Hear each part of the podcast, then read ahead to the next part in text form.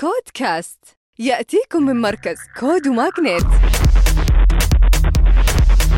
مع طارق الجاسر. وحياكم الله في نشرتنا الأسبوعية. شركة بايونيتك جروب الألمانية تستحوذ على إنستا ديب AI التونسية مقابل 680 مليون دولار. والشركة الألمانية تبغى تستخدم تقنيات تعلم الآلة اللي طورتها إنستا ديب في تحسين عملية اكتشاف الأدوية واللي يشمل تحسين وتطوير علاجات مخصصة.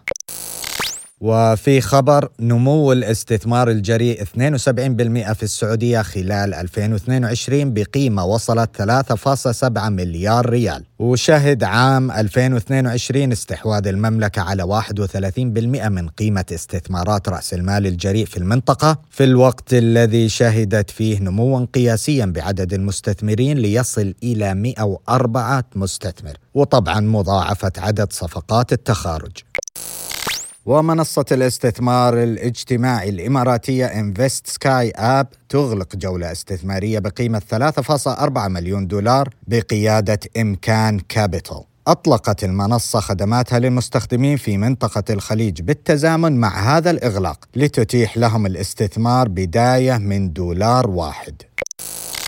أما تطبيق آسك هو الإماراتي لخدمات التعارف بين المستخدمين اللي عندهم هوايات مشتركة واللي تأسس في 2019 وأطلق خدماته في 2021 يجمع تمويل بنحو 515 ألف دولار من خلال حملة تمويل جماعي شارك فيها نحو 57 مستثمر.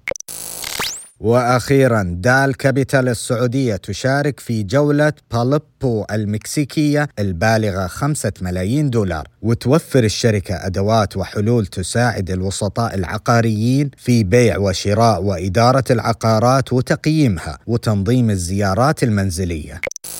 ختاما تذكروا أن الابتكار هو أصل الريادة. كود كاست